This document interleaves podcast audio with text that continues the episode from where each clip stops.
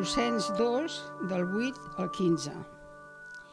Vigileu que ningú no us endugui captius a través de la filosofia i de la fal·làcia buida, segons la tradició dels homes, segons els elements del món i no segons Crist, perquè en ell habita corporalment tota la plenitud de la deïtat, i en ell esteu complerts, ell que és el cap de tot principat i potestat.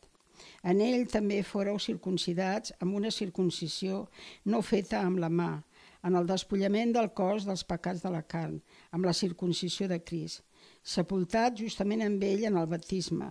També vau ser juntament amb ell ressuscitats per la fe amb l'operació de Déu, el que el va ressuscitar d'entre els morts.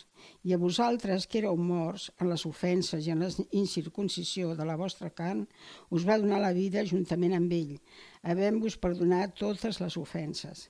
I havent esborrat l'acte dels secrets que hi havia contra nosaltres, que ens era contrària, i la tragué del mig clavant-la a la creu. Va despullar els principats i les potestats i els va exposar públicament a l'espectacle, triomfant sobre ells en ell. Aquesta és la paraula del Senyor. Benvingut a Crist i res més, una sèrie de predicacions sobre la Carta de Pau als Colossencs, un podcast de l'Església Protestant Ciutat Nova al barri 22 arroba de Barcelona. Us confessaré que de vegades la preparació d'una predicació és tot una lluita. Una lluita contra la distracció potser ho reconeixeu amb altres coses que heu de fer, però jo generalment quan entro en un moment que penses, mira, estic predicant al meu ordenador, no? Saps com? I entra i surt i estàs en plena convicció escrivint la predicació, que entra un mail i la notificació per la pantalla que em distreu i em treu tota l'atenció i aquest moment en què pensava, mira, ara en tres hores la predicació estarà en paper i al final del dia encara estic amb la introducció perquè m'he distret amb coses molt importants. El poder de la distracció és el poder que tots coneixem, no? Començar el dia amb alguna cosa i trobar-te amb moltes coses superinteressants i importants al camí, coses molt urgents, i al final del dia les coses que t'havies proposat no has fet. Pau, en, la, en el passatge de la setmana passada, va cridar als colossens de continuar ferms en Crist, tal com l'havien rebut, de perseverar, de caminar, ser arrelats, totalment, com es diu, fixats en Crist. Crist com Déu, Crist és el Senyor, diu en verset 6 de capítol 2. I això és llenguatge nou testamentari per Déu. Eh? Quan el Nou Testament diu Senyor, això refereix al Javé de l'Antic Testament, és Déu.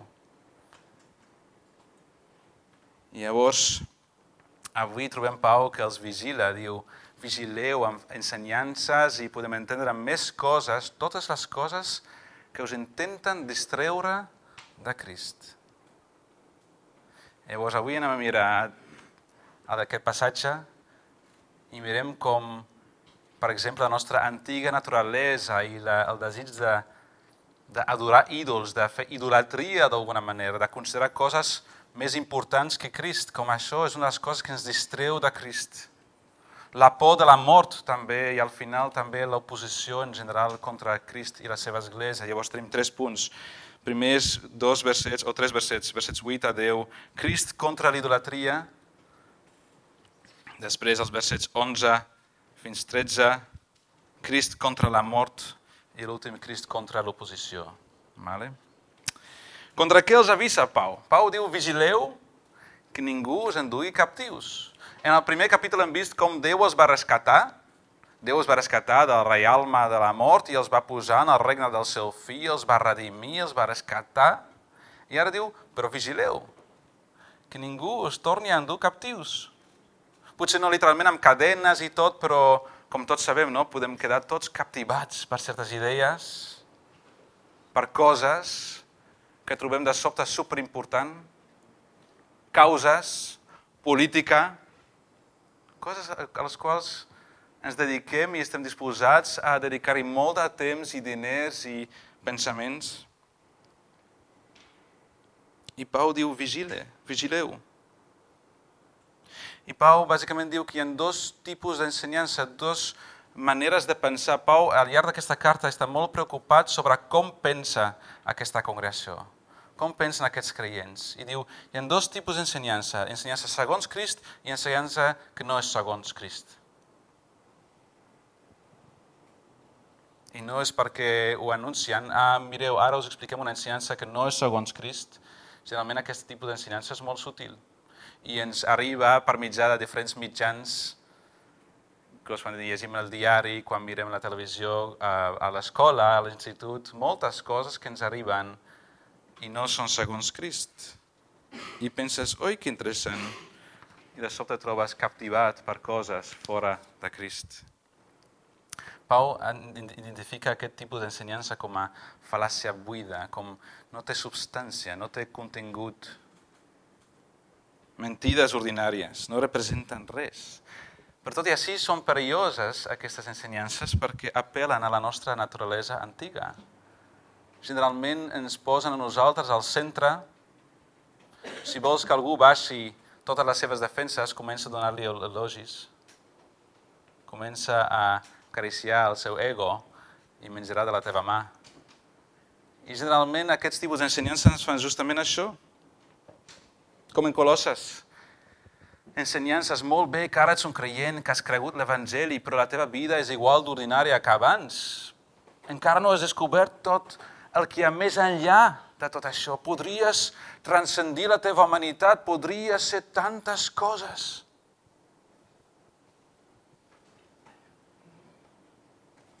Aquesta és l'antiga tradició humana de voler transcendir els límits que Déu va posar en la creació.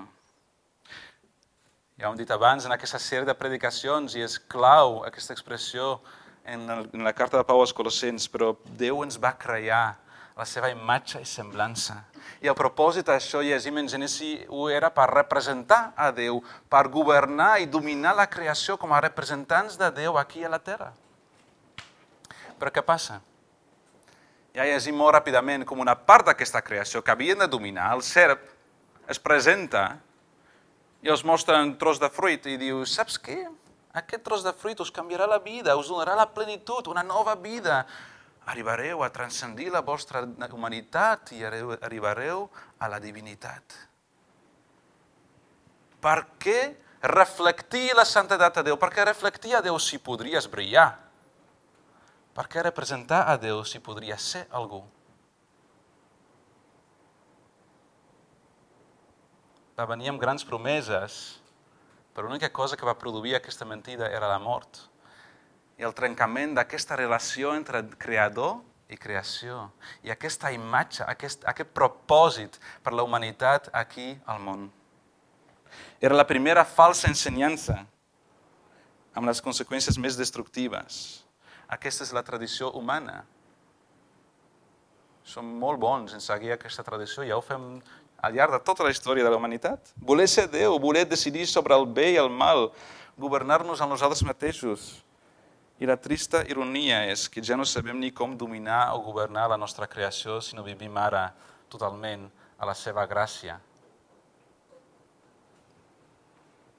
Intentem totalment cada vegada de nou escapar dels límits de la creació i com Déu va crear aquest món i en l'intent d'escapar la mort segura com a conseqüència d'aquest pecat, busquem la nostra esperança en coses creades. Tot el que el món està fent és perseguir alguna cosa, buscar l'esperança en alguna cosa i pensar, mira, potser això em donarà algun tast de l'eternitat.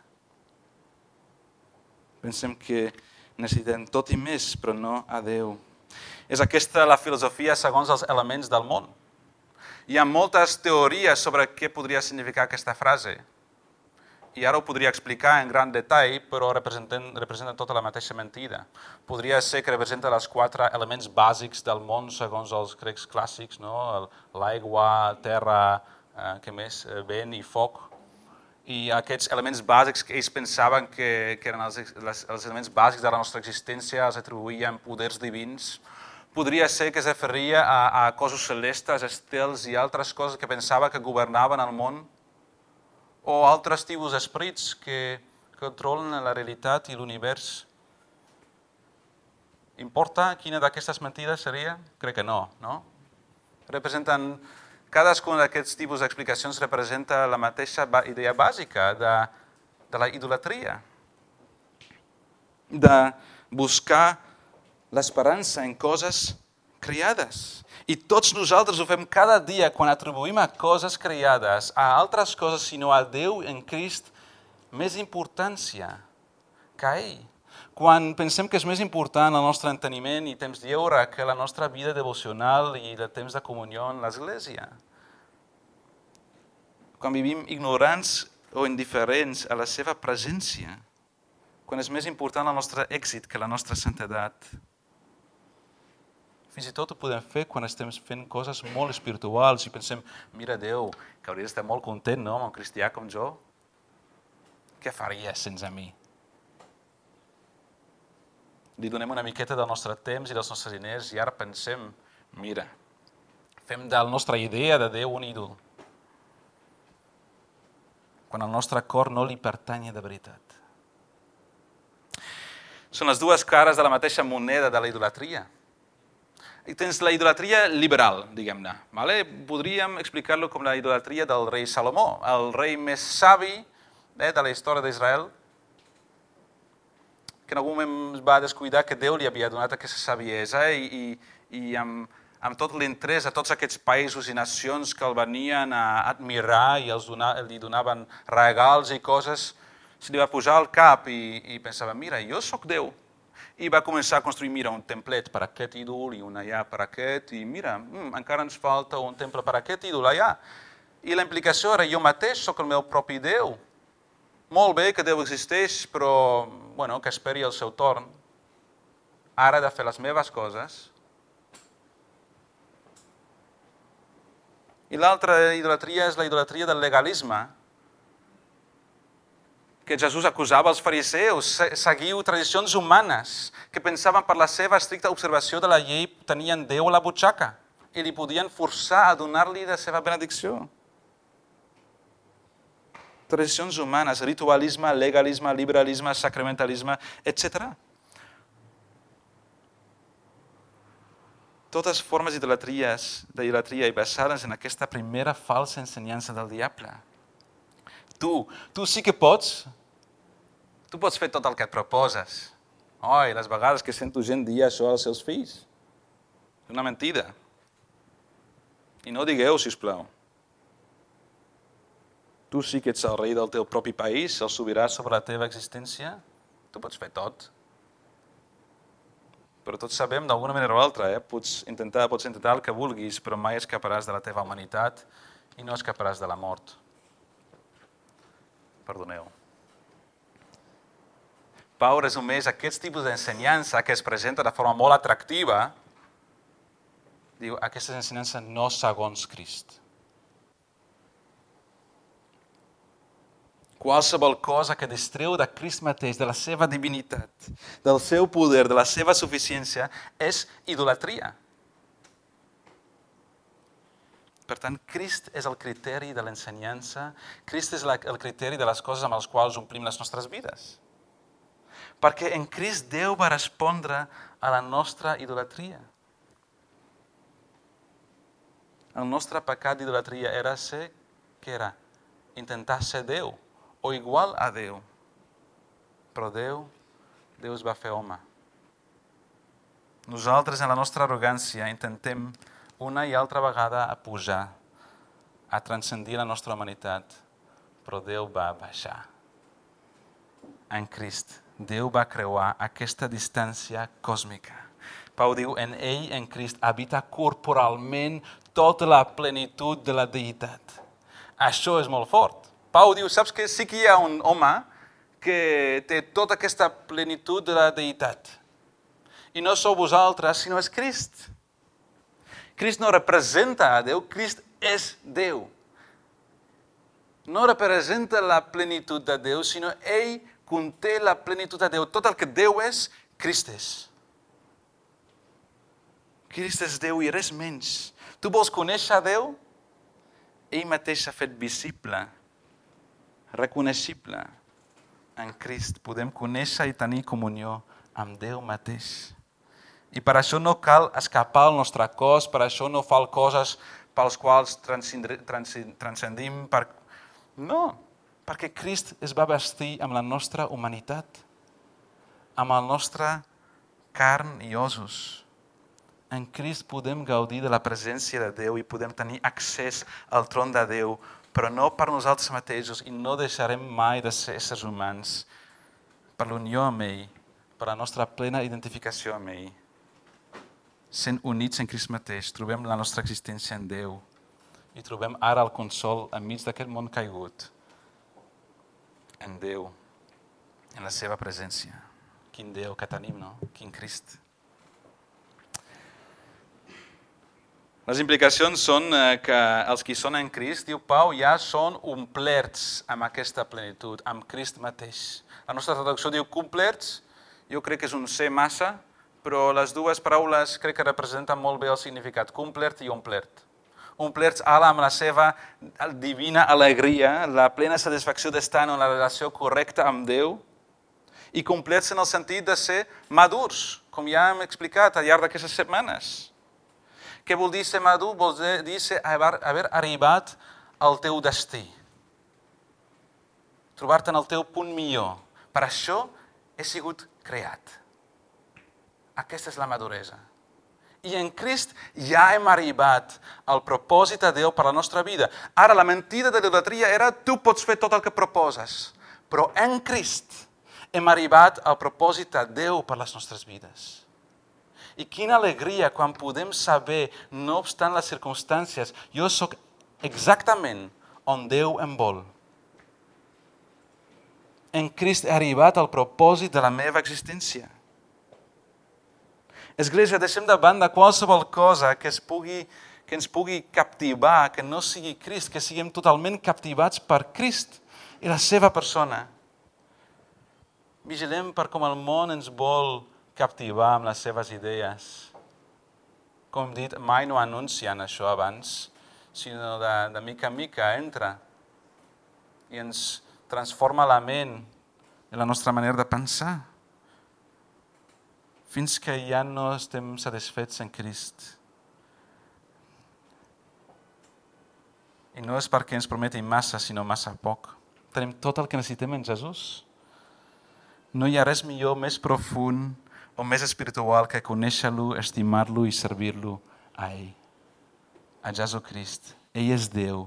Crist és nostre i nosaltres som seus i fem bé ignorar qualsevol ensenyament, activitat o preocupació que ens distregui d'ell.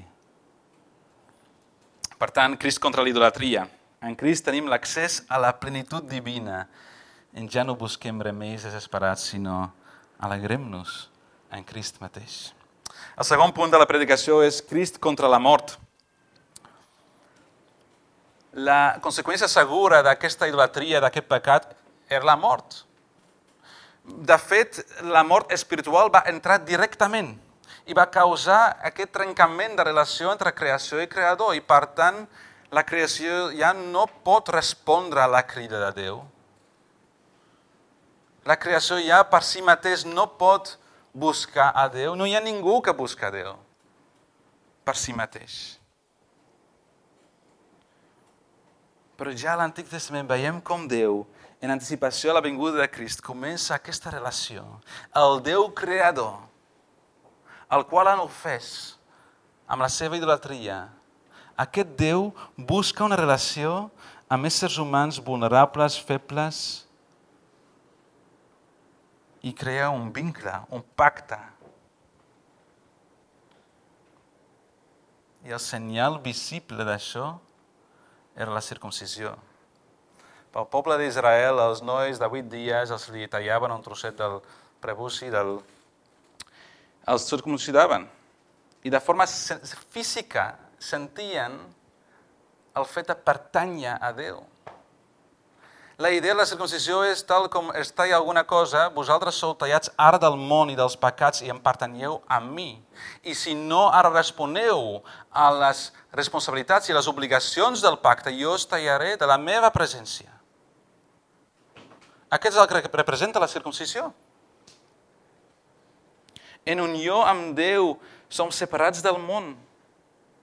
i cridats a ser sant, a tornar a, a viure segons aquest imatge i semblança, sigueu sants perquè jo sóc sant. Representar aquest Déu sant enmig d'aquest món caigut. Algunes persones a l'església també porten un senyal d'unió. Vale? Jo sóc una d'aquestes persones, jo porto aquí, no me'l trec gaire sovint, un senyal d'unió. I aquest senyal em mostra que sóc casat amb la... A veure... Amb la Evelyn. Sí. Però no es podria explicar tot el significat del matrimoni amb l'anell. Si dic, el fet de ser casat eh, vol dir que la meva dona i jo portem un anell. No, és molt més que això. Si demà surt amb una altra dona i dic sí, però portava l'anell, això què, què més dona? Era un senyal d'aquesta més gran realitat de trobar-se en unió amb algú. D'aquesta manera, és un exemple, la circuncisió era una senyal d'una realitat molt més gran. No era prou només ser circuncidat, Déu volia la realitat més gran d'un cor que pertany a ell. Tal com en el matrimoni. Una relació d'exclusivitat. I els israelites sabien circuncidar molt bé. Eh? Després entra la tècnica i sabien com fer-ho. Però viure fidelment amb el Senyor, això era molt més difícil. Ara bé, en aquestes ensenyances contra el qual Pau ensenyava, i ja ho hem vist la setmana passada, que eren tipus d'ensenyances una barreja, sincretisme, es diu, entre, per exemple, filosofies paganes i el ritualisme jueu. Es presentava la circuncisió com un pas més cap a la plenitud espiritual i divina. Saps què? Per què no aprofitem d'aquesta pràctica? I et circuncides i, mira, com un pas més. Una cosa que tu pots fer però la resposta de Pau és vosaltres ja teniu la circuncisió i una circuncisió molt més gran. Crist mateix és la vostra circuncisió. Crist és literalment, per Pau, la resposta a tot. A l'idolatria liberal de la filosofia pagana i a l'idolatria del ritualisme jueu. En Crist hem rebut una circuncisió molt millor. No una circuncisió humana, sinó un que Déu mateix ha fet amb el seu propi fill a la creu, Crist va ser circuncidat. Crist va ser tallat a la presència de Déu, carregant la nostra falta de santedat, la nostra falta de justícia, els nostres pecats i ofenses. Allà ell va, ell va portar els nostres pecats i va experimentar la ira justa de Déu sobre el nostre pecat. I allà ell ens va guanyar aquesta relació restaurada. És aquesta la realitat al qual apuntava la circuncisió ja en el temps d'Israel. En Crist pertanyem a Déu.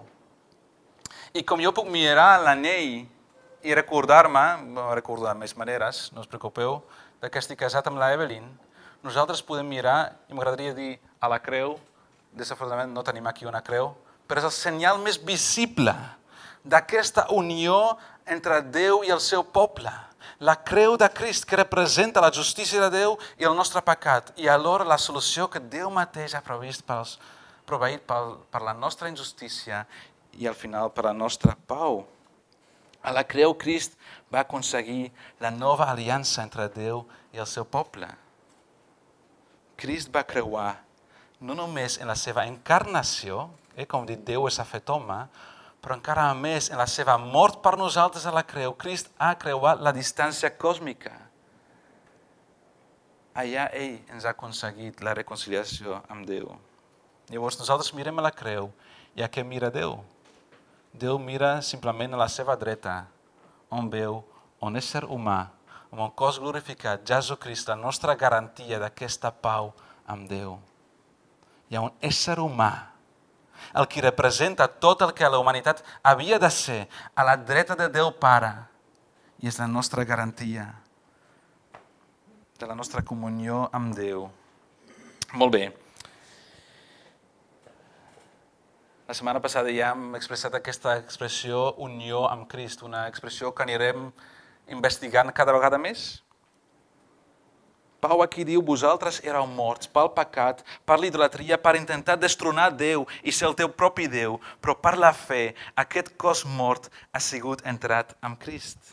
I per la fe en el poder de Déu per la confiança no en les coses que nosaltres podríem fer, sinó el que ell pot fer i ha fet,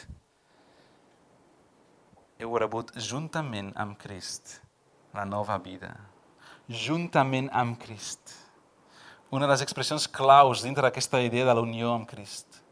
Juntament amb Crist. Participem amb Crist. Déu ens mira i l'obra de Crist és com si nosaltres haguéssim participat. Nosaltres som partíceps d'aquesta obra de Crist per la fe, per cap altra cosa que podríem fer. No heu de fer res.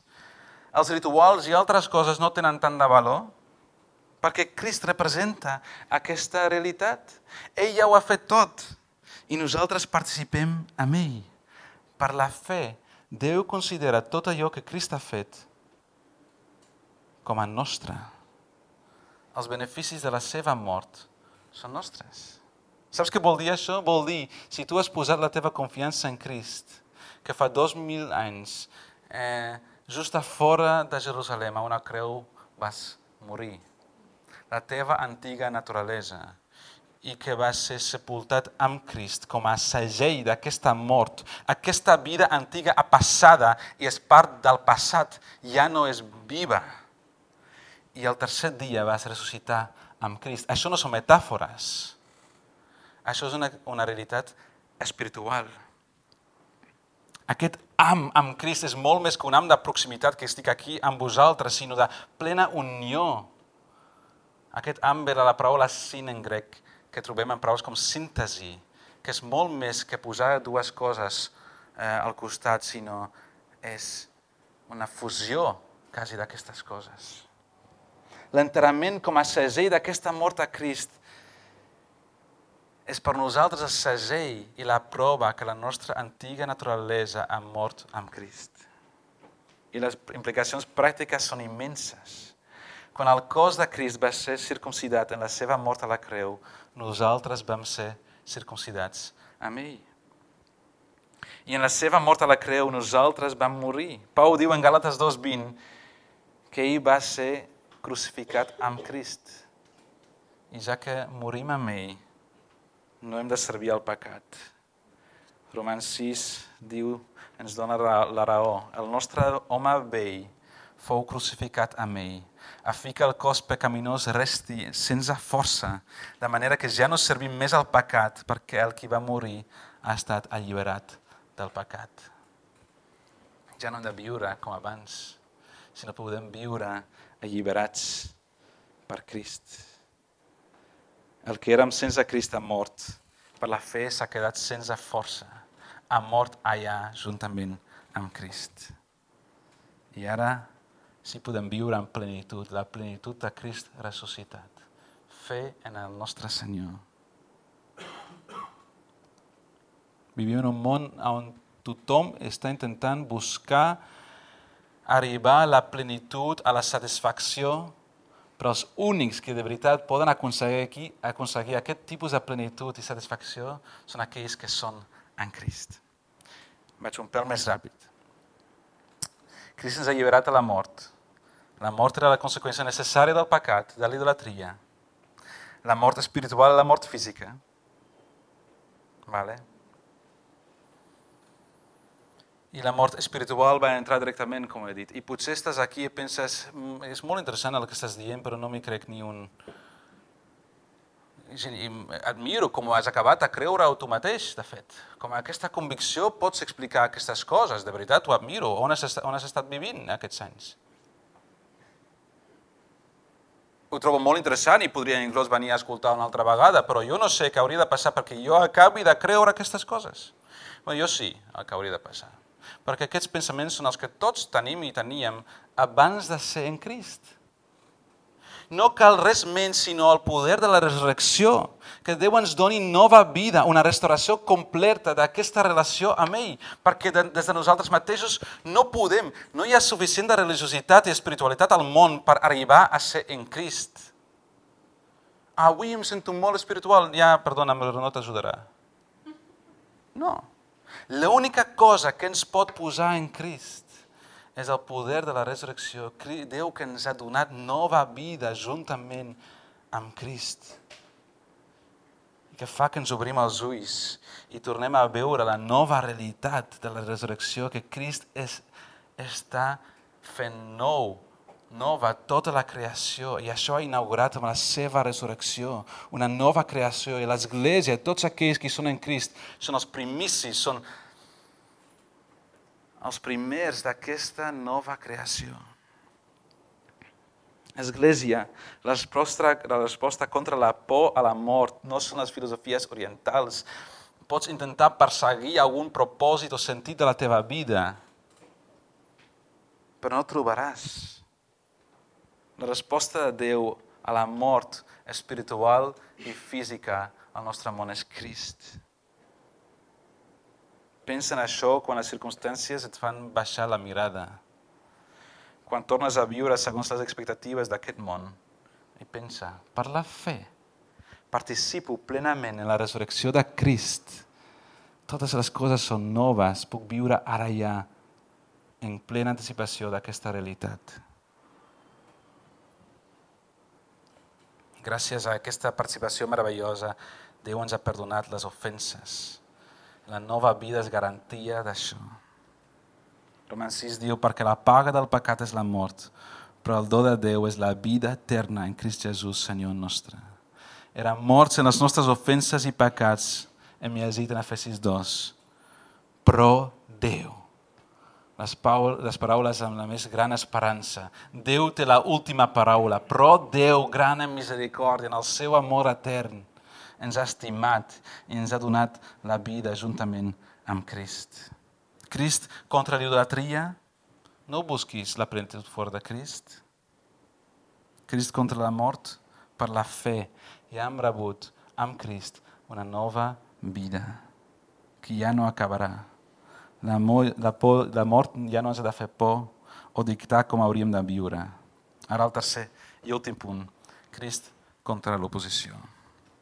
Juntament amb Crist som victoriosos quan penses ara molt bé, jo també sóc creient, igualment la meva vida de vegades no representa del tot la nova creació. Eh? Vull dir, quin, quin caos en la meva vida, quin, quantes dificultats.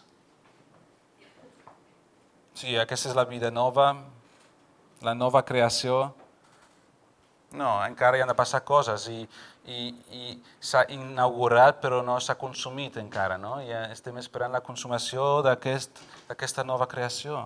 I mentrestant hi ha oposició contra l'obra de Crist i la seva església, contra les nostres vides. I el text d'avui també té molt a veure amb alguns aspectes d'aquesta vida. L'oposició espiritual contra aquells que pertanyen a Crist. I Pau, en aquest últim punt, mostra com Crist és molt més gran que qualsevol tipus d'oposició. Fa dues setmanes em va trucar, era un dimarts per la tarda, i jo estava molt cansat, eh, crec que era després de la reunió de pregària, segurament, en dimarts. Havia treballat tot el dia, cansat, torno a casa, estic just sopant i em truca algun home d'alguna empresa de recobrament. Que em truca i diu, saps que fa quatre anys eh, no has pagat alguna factura? És que al principi no sabia de què estava parlant però no trigava gaire o tot se'm feia real de nou, se'm portava de nou a la realitat, el, era un emperador de, de telefonia, no us explico els detalls, però com típic, no? algun router que s'havia de tornar i jo he fet tots els esforços al món per tornar aquest router i no hi havia manera. I aquest home ha de pronunciar tres paraules i tota aquesta frustració i inquietud torna i inclús m'enfado una miqueta, ai, com pot ser? i se'm fa present una deuta del passat en un segon i tot el meu dia, tota la, quasi la predicció d'aquesta reunió de pregar i altres coses. Però no sempre truquen per telèfon. Generalment em truquen quan estic, per exemple, preparant una predicació i alguna veu aquí em truca i diu eh, saps que tu molt maca, eh, aquesta predicació, per tu jo et conec. Jo me recordo molt bé que has fet fa 10 anys, que pensaves fa dues setmanes jo me recordo molt bé que, quines eren les teves intencions allà i allà. I algú comença a acusar-me al meu interior i recordar-me d'algun deute que tindria. I de sobte tota aquesta nova vida i l'alegria en Crist sembla com s'està molt més inestable que abans. Mira't, a qui intentes enganyar? Potser algunes persones et creuran, però jo no et crec. Pau diu als Colossens, podríem parafrasejar, ell t'ha perdonat tots els pecats. Crist ha esborat completament l'evidència condemnatòria de lleis i manaments trencats que sempre ens penjava sobre els nostres caps i els ha anul·lat completament clavant-lo tot sobre el seu propi cap. No hi ha cap evidència condemnatòria contra aquells que són en Crist. Cap. L'oposició de l'acusador que intenta recordar-nos del nostre deute, podem dir, saps què, porta'm alguna evidència i parlem demà cosa que hauria d'haver fet amb aquesta empresa de cobrament. Luther explicava aquesta història que en algun somni l'acusador, el temptador, va entrar, va, va venir a visitar-lo. Eh? Luther parlava molt del diable.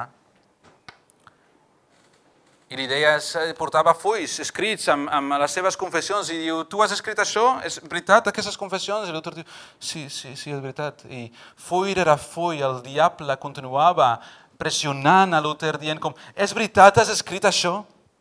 I sí, sí, sí, sí, és veritat. Fins al punt que el diable està a punt de marxar. I Luther diu, ei, espera, és tot veritat, cada una d'aquestes paraules, però escriu ben gran a sobre de cada full, la sang de Jesucrist, el fill de Déu, ens neteja de tot pecat. Església, el deute està pagat i tal com els colossens nosaltres, si som en Crist, estem plenament complets, sencers. Hem estat alliberats de l'esclavitud de la culpa. No hi ha tirania més gran que la culpa. I quan s'aixeca el pes d'aquesta culpa, no hi ha sensació més meravellosa que saber davant de Déu ja no tinc culpa. Crist ha pagat perfectament, enterament, per tot el meu pecat. Església, recordem la sang de Crist, que és poderosa. Crist sempre guanya contra els nostres acusadors. A la creu, Jesús no només va tractar amb la nostra culpa. A vegades sento gent parlar, i generalment al voltant de divendres sant, quan tots ens posem molt tristos per pobre Jesuset a la creu, que pensem, oi, pobra víctima, no s'ho mereixia.